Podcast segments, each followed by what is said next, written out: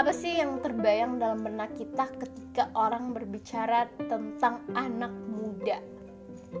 Pasti orang-orang yang luar biasa, orang-orang yang penuh semangat, yang aktif, punya ide-ide brilian, yang kreativitasnya itu yang membuat orang-orang yang tercengang gitu kan.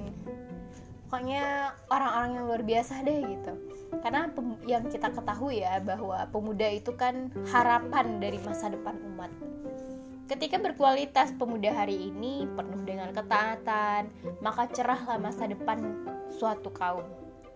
Namun jika kondisi kaum muda hari ini buruk, maka suramlah nasib bangsa tersebut di kemudian hari.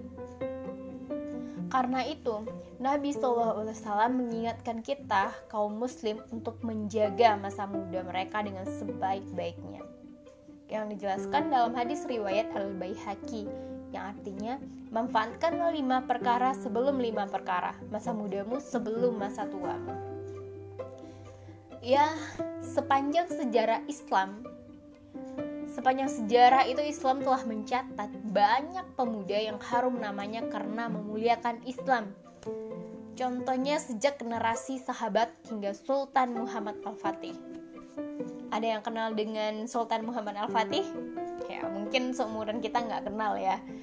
Tapi kita pasti tahu siapa sih Muhammad Al-Fatih seorang panglima yang telah berhasil menaklukkan Konstantinopel yang menjadi gerbang tersebarnya Islam ke Eropa.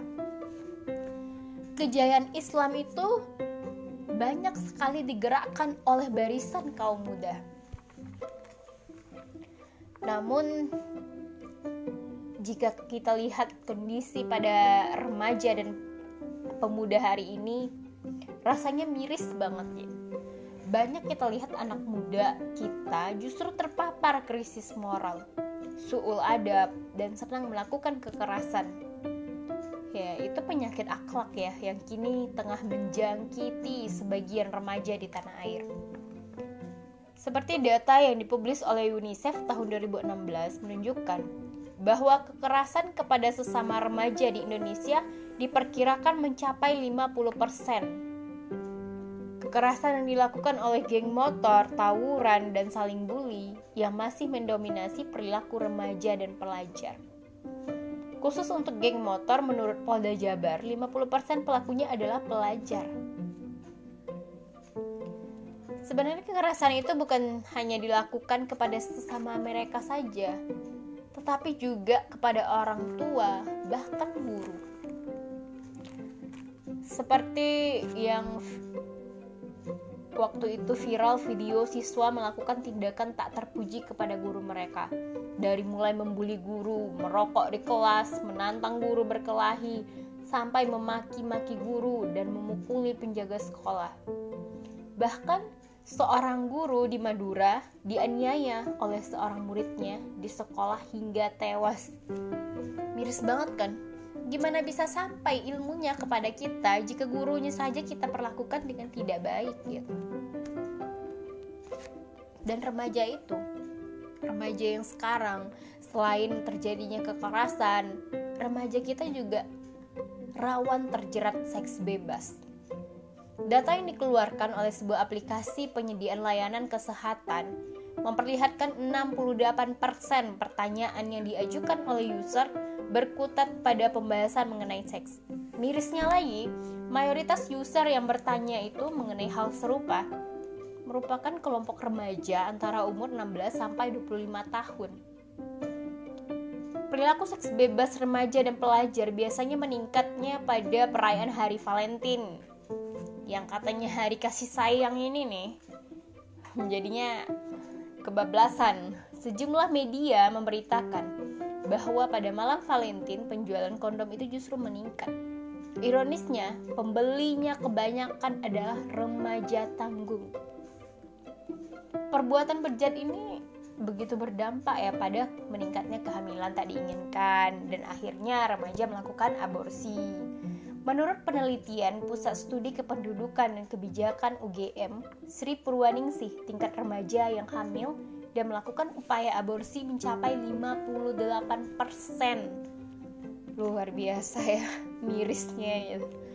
perayaan Valentine semakin marak karena banyak pihak ya yang memsponsori kayak televisi swasta. Mau deket-deket Valentine nanti udah heboh iklan-iklan coklat iklan bunga.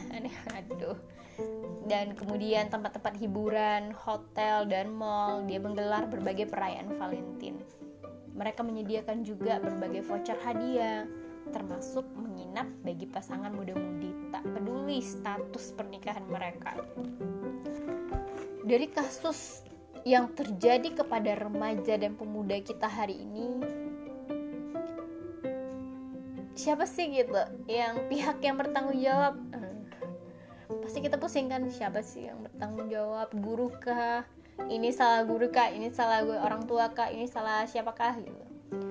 Sebenarnya itu adalah tanggung jawab semua pihak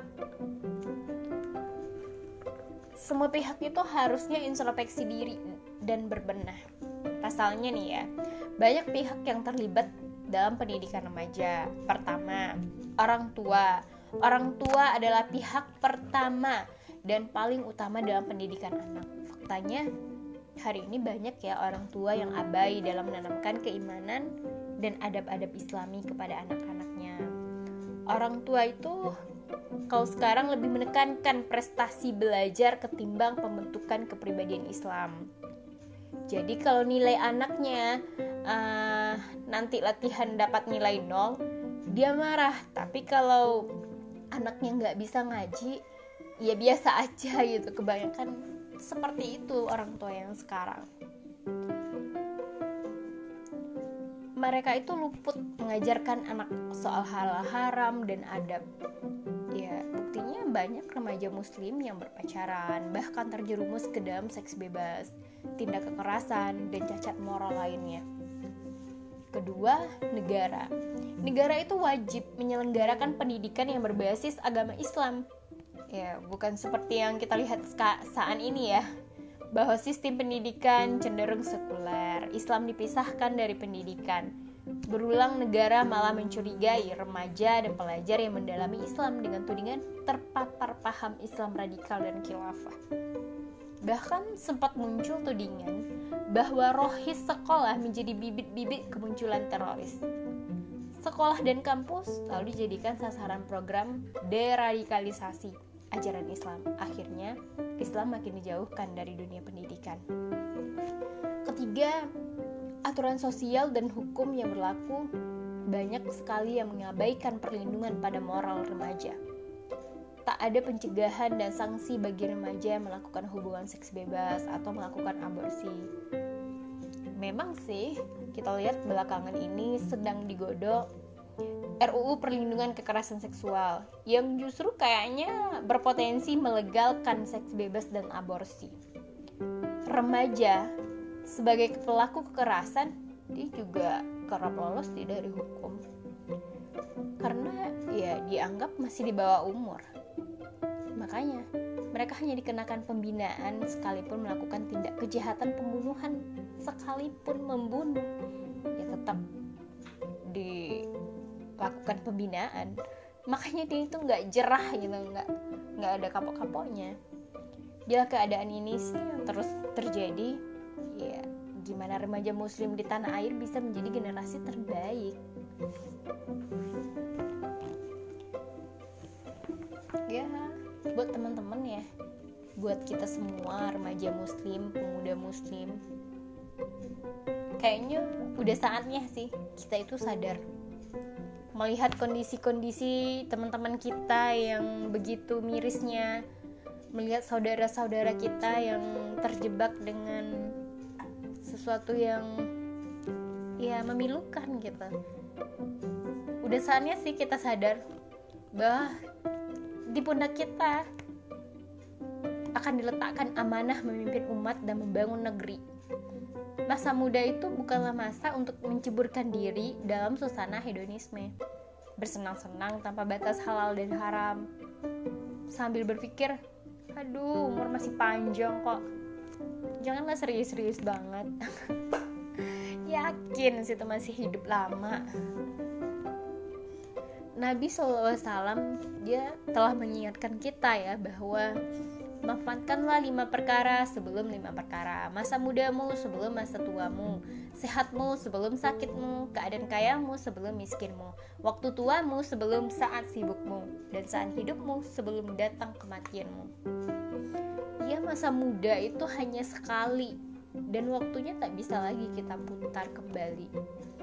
Bila masa muda itu kita habiskan untuk memuaskan hawa nafsu kelak akan datang penyesalan sama kita. Kita akan nyesel gitu. Bahkan banyak ya manusia yang telah rusak jiwa dan raganya pada usia muda.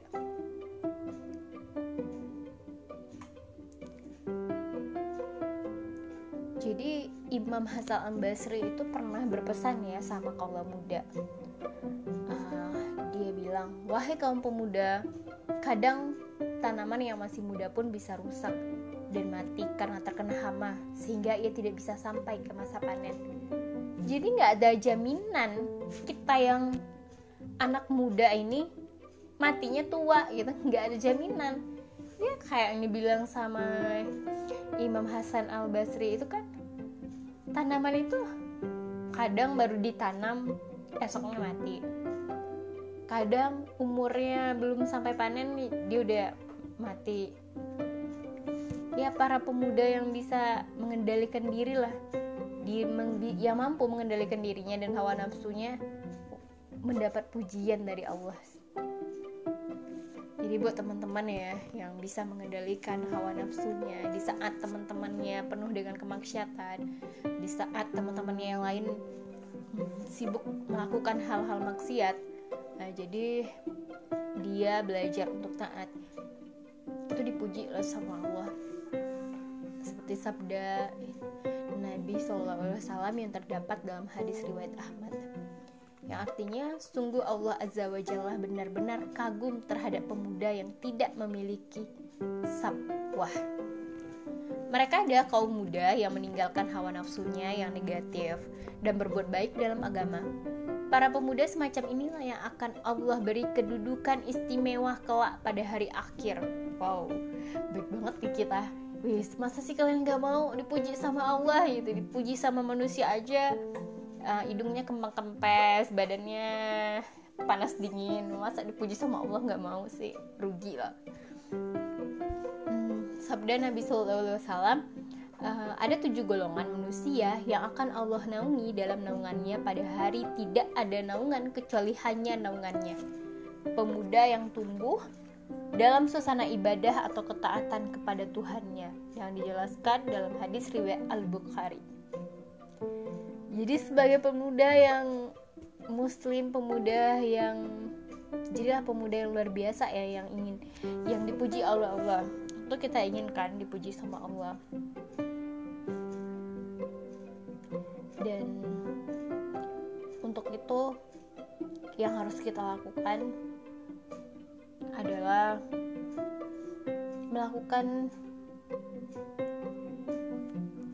sejumlah hal yaitu yang pertama kita harus melakukan hujamkanlah keimanan bahwa Islam ada agama yang paripurna mengatur urusan dunia dan akhirat. Kita tanamkan di, di jiwa kita ini bilang sama diri kita hai diriku Islam itu adalah agama yang sempurna dan paripurna. Yang mengatur urusan dunia dan akhirat.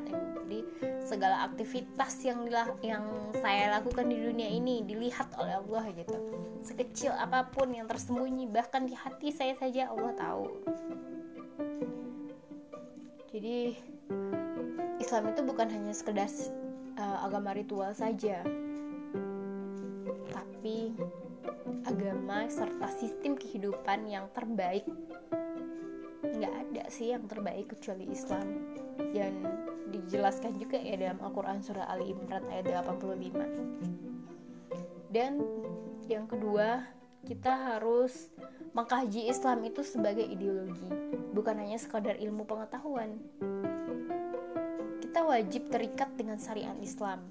Dengan terikat pada syariat Islam, pemuda muslim akan menilai baik buruk berdasarkan ajaran Islam.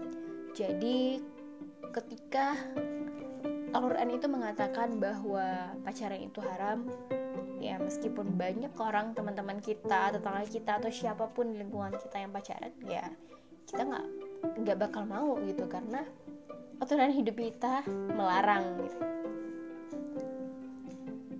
dari pergaulan bebas adab kepada orang tua sampai memilih pemimpin.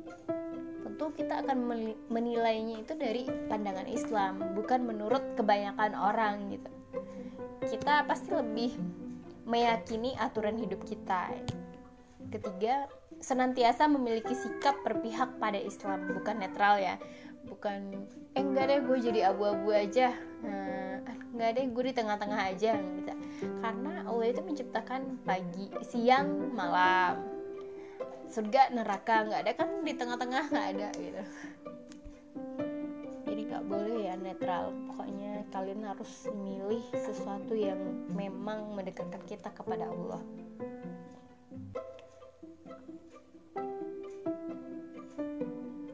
Apalagi nih ya kita itu nggak boleh up oportunis demi mencari keuntungan dunia. Jadi jangan sampai deh gitu. Uh, sesuatu itu udah jelas nih kita tahu itu haram. Karena buat men, ingin diuntungkan ingin mendapatkan secuil harta dunia kita mau maunya aja mengatakan tidak ha, eh, sesuatu yang haram itu halal gitu jangan ya ya banyak ya remaja dan pemuda muslim hari ini yang hidup bak pucuk pohon di tiup angin. Ke mana angin bertiup? Ke sanalah mereka terbawa. Yang seharusnya pemuda muslim itu harus memiliki keteguhan pada Islam hingga akhir hayat. Keempat terlibat dalam dakwah. Terlibat dalam dakwah Islam demi tegaknya syariat dan khilafah Islam sungguh kemuliaan Islam hanya bisa tampak bila umat, khususnya kaum muda nih ya, senantiasa berdakwah untuk menegakkan Islam. Al-Quran itu telah merekam keteguhan iman dan kesungguhan perjuangan para pemuda kahfi. Ada yang pasti tahu kan cerita tentang pemuda kahfi hingga mereka mendapatkan pertolongan dan perlindungan dari Allah. Pemuda-pemuda yang luar biasa itu kan pasti tahu dong jadi buat teman-teman ya kita yang remaja pemuda Islam yang di masa depan di pundak kita lah uh, kepemimpinan di pundak kita lah ditentukan gitu. Itu tanggung jawab menjadi kelak tanggung jawab kita. Jadi semangat ya untuk melakukan kebaikan. Jangan pernah berputus asa. Waalaikumsalam warahmatullahi wabarakatuh